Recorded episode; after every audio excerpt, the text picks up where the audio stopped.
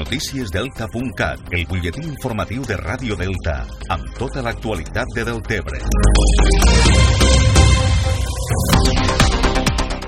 El número de persones investigades pel jutjat 2 de Tortosa per un presumpte delicte de prevaricació i de falsedat documental entre els anys 2007 i 2015 a l'Ajuntament de Deltebre ascendix a un total de 7 persones, ja que ahir també hauria anat a declarar davant dels Mossos l'exalcalde socialista José Emilio Bertomeu, que es va alternar a l'alcaldia amb Gervasi Aspa en el darrer mandat municipal.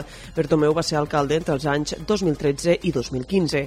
A més de Bertomeu i Aspa, també estan investigats el secretari, la interventora, l'exarquitecte municipal, el responsable responsable d'adjudicacions i un aparellador. Recordem que en el punt de mira de la investigació hi ha diversos contractes d'obres públiques, serveis i subministraments i també s'investiga un possible trossejament de contractes. Tots els investigats estan ara pendents de necessitats pel jutge.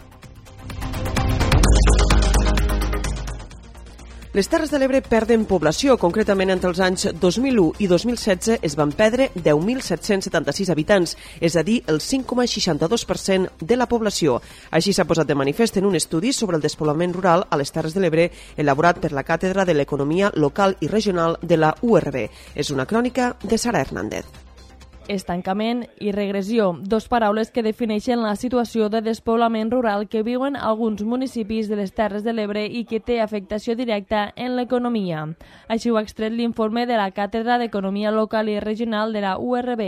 De fet, el territori ha perdut 10.776 habitants en 5 anys, que suposa a prop d'un 6% de la població, i pocs municipis s'allunyen del balanç negatiu. Dos grans perfils que jo crec que hi ha són petits pobles rurals eh, molt perifèrics, estic pensant en la Pobla de Massaluca, Caseres, la Palma d'Ebre, que queden molt amb una agricultura de secà i una població envellida, i després la zona de la gran indústria, Flix, Oscor, Ribarroja, etc, que no tenen mitjans per poder reconvertir aquella, dinàmica de cara al futur. No?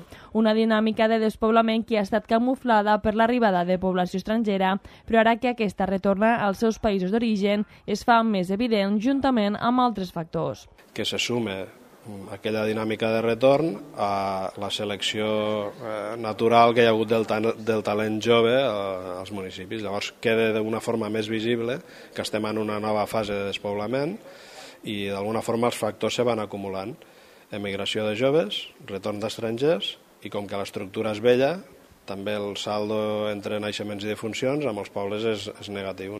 El fenomen no és irreversible, però apunten que la solució passa per crear polítiques d'estat i una millor coordinació entre les administracions locals i superiors, impulsant projectes estratègics. Fins ara s'han aplicat polítiques fragmentades que no han funcionat per revertir la dinàmica en aquests pobles. L'estudi se centra en els municipis de menys de 5.000 habitants, és a dir, en 42 dels 52 de les Terres de l'Ebre.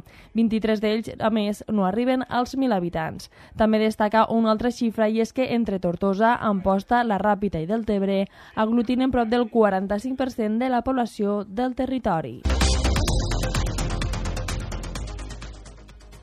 Fins al pròxim 24 de març estan en marxa a Deltebre les jornades gastronòmiques de la Tellerina a un total de 12 establiments del municipi.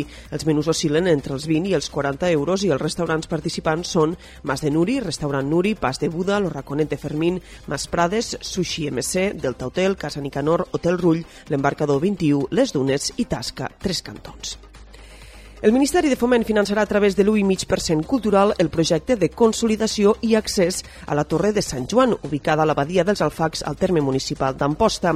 El Ministeri aportarà 600.000 euros, el 75% del finançament per tirar endavant este projecte que inicialment preveu convertir esta emblemàtica torre en un mirador sobre l'abadia i explicar la història de la fortificació construïda al segle XVI. I Deltebre celebrarà el Dia Mundial de la Poesia amb un recital poètic el pròxim 21 de març a la Biblioteca Delta de l'Ebre.